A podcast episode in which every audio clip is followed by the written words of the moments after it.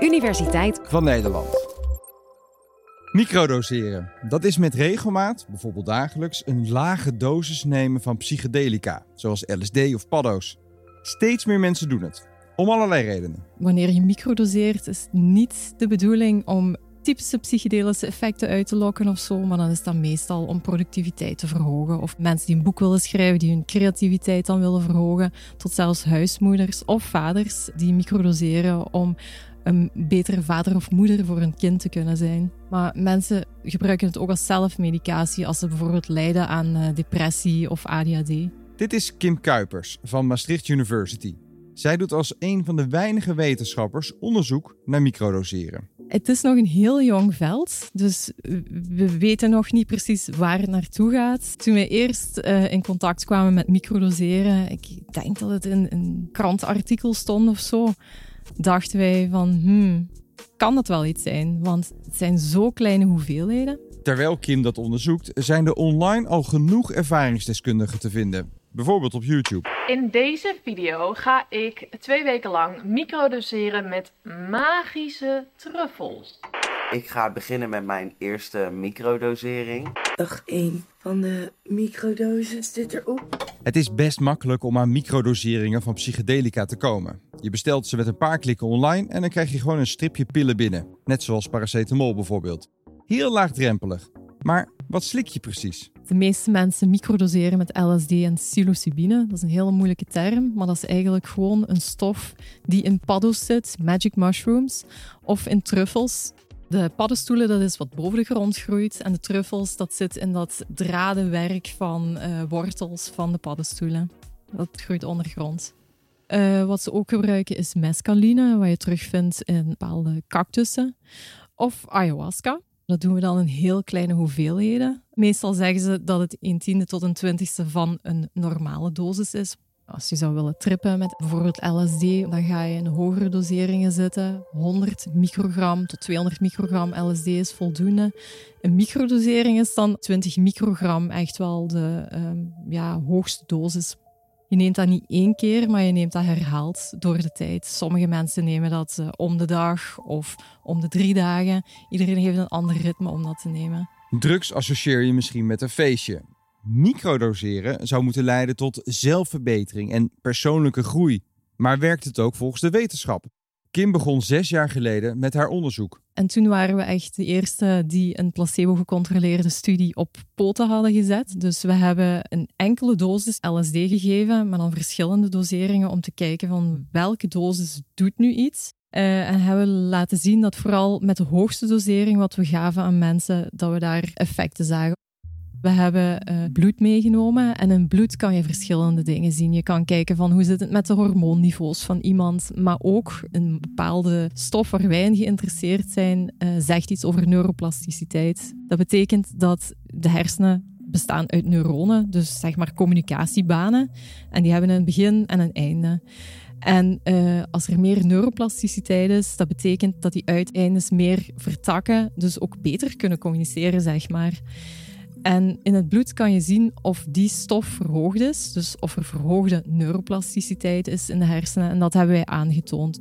Ook op hersenscans zien we dat de verbinding tussen hersengebieden verandert bij microdoseren. Dus dat zijn echt allemaal objectieve gegevens waar je de conclusie uit kan trekken: het doet echt wel iets.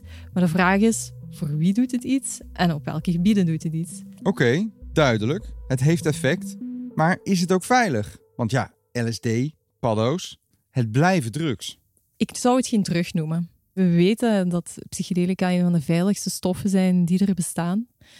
Ze hebben een heel laag verslavingspotentieel. Dus als je dat neemt, dan ga je niet die drang voelen om dat uh, heel veel opnieuw te nemen. Goed, ik hoor je al denken, microdoseren moet je opnieuw nemen. Klopt. Maar dan gaat het over hele uh, lage doseringen. En de kans dat je lichaam echt gaat vragen van pak die stof opnieuw, die is heel klein. Waar ik wel aan denk, is dat je misschien een psychologische afhankelijkheid kan ontwikkelen. Niet iedereen, maar mensen die echt denken van, ja, weet je, ik moet dat echt nemen om goed voor mijn kinderen te kunnen zorgen. Of ik moet dat nemen om creatief te kunnen zijn. Want vorige keer nam ik het en toen kon ik een heel boek schrijven. dat denk ik, dan moeten mensen ook van bewust zijn dat er zit zoveel kracht in de mens zelf. Ik denk dat er alleen ruimte, tijd moet gemaakt worden om volledig potentieel te kunnen tonen. Dus mensen moeten het niet gaan zien als quick fixes. In het onderzoek dat Kim nu doet, kijkt ze naar een specifieke groep mensen die mogelijk baat heeft bij microdoseren. Mijn drijfveer is echt om te kijken, kunnen deze stoffen in die kleine hoeveelheden uh, het leed verzachten van mensen die niet geholpen zijn met traditionele medicatie. We weten bijvoorbeeld dat iemand die uh, depressief is en antidepressiva neemt, dat er een derde daarvan, die gaan daar niet beter van worden. Dan is de vraag van, kunnen we die groep wel helpen? Of een ander voorbeeld is ADHD. We weten ook dat uh, eh, 3% van de volwassen bevolking lijdt aan ADHD. En we weten dat ja, uit studies, het, schommelt een beetje tussen de 30 en 50% die stoppen met hun medicatie.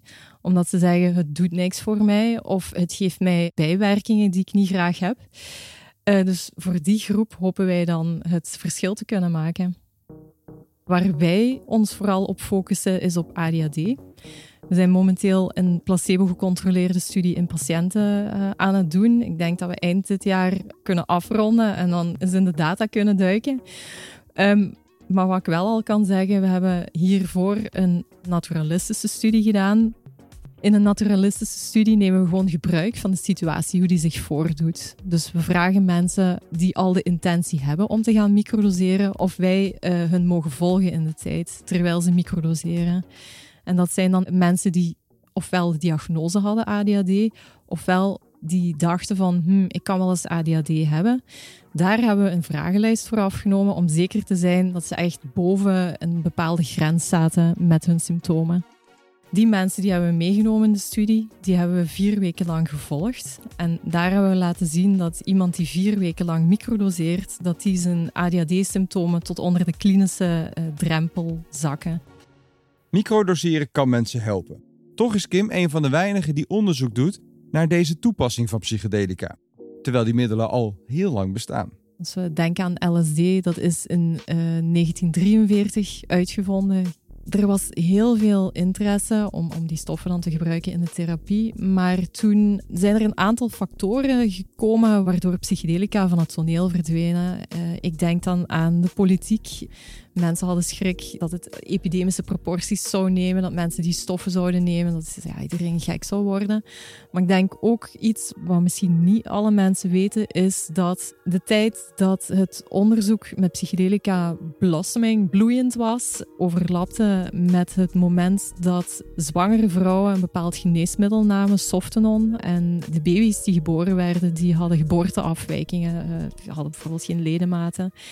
En uh, daardoor ontstond er wel een angst en zeiden ze van die wetten of de regels rondom wetenschappelijk onderzoek, die moeten toch strenger. Er moeten bepaalde veiligheidsgraden ingebouwd worden. En dat maakte het ook moeilijk om psychedelisch onderzoek te doen. Plus, de bedrijven die uh, wilden geen subsidies meer geven, er waren geen stoffen meer dat alles tezamen heeft ertoe geleid dat het eigenlijk tot een, een stop gekomen is, psychedelisch onderzoek, terwijl het wel zo hoopvolle uh, resultaten gaf. Dus het onderzoek stopte en komt nu langzaam weer op gang. Ondertussen wordt microdosering volop aangeboden. Terwijl we er heel weinig van af weten. We weten veel van wat mensen rapporteren, maar we weten niet of dat dat verwachtingseffecten zijn. Ik ben depressief, ik hoop dat ik beter ga worden als ik ga microdoseren. Die drang is zo sterk en dat kan misschien ook gebeuren. We kennen allemaal het witte jas-effect. Er komt iemand de kamer binnen met een witte jas, een dokter. En ook dat heeft al onmiddellijk een effect dat we ons uh, ja, anders gaan voelen. Dus we moeten toch voorzichtig zijn. Ik denk ook mensen beschermen, want als je heel depressief bent en denkt van ik ga microdoseren, dat gaat me helpen en dat helpt ook niet, dan wordt het misschien wel heel moeilijk en zwaar voor iemand. Ik denk een jaar of twee geleden uh, zagen we in de Belgische media dat een zangeres toegaf dat ze heel haar leven eigenlijk al leed aan, aan depressie. Ook antidepressiva nam en dat psilocybine haar geholpen had. Dat ze nu ook bezig was met een traject microdoseren. Maar toen, ik denk enkele weken, enkele maanden nadat dat in de media was gekomen, gaf ze ook toe dat ze hervallen was. Eh, dat is denk ik ook een duidelijk signaal dat we nog niet weten of microdoseren helpt voor depressie, of, of voor wie het kan helpen, of hoe lang het kan helpen. Dus ik hoop dat mensen dat ook onthouden en niet alleen dat positieve verhaal van dat die stoffen kunnen helpen bij bepaalde mentale problemen. Wanneer mensen over microdoseren horen en ze dat aantrekkelijk vinden, denk ik dat ze hun vooral in de eerste plaats heel goed moeten gaan informeren wat het teweeg kan brengen. Goed, de wetenschap staat nog niet heel ver. Dat is beperkt, de kennis die daaruit komt. Ik denk dat uh, op internet valt heel veel kennis te rapen over mensen die ervaringen delen.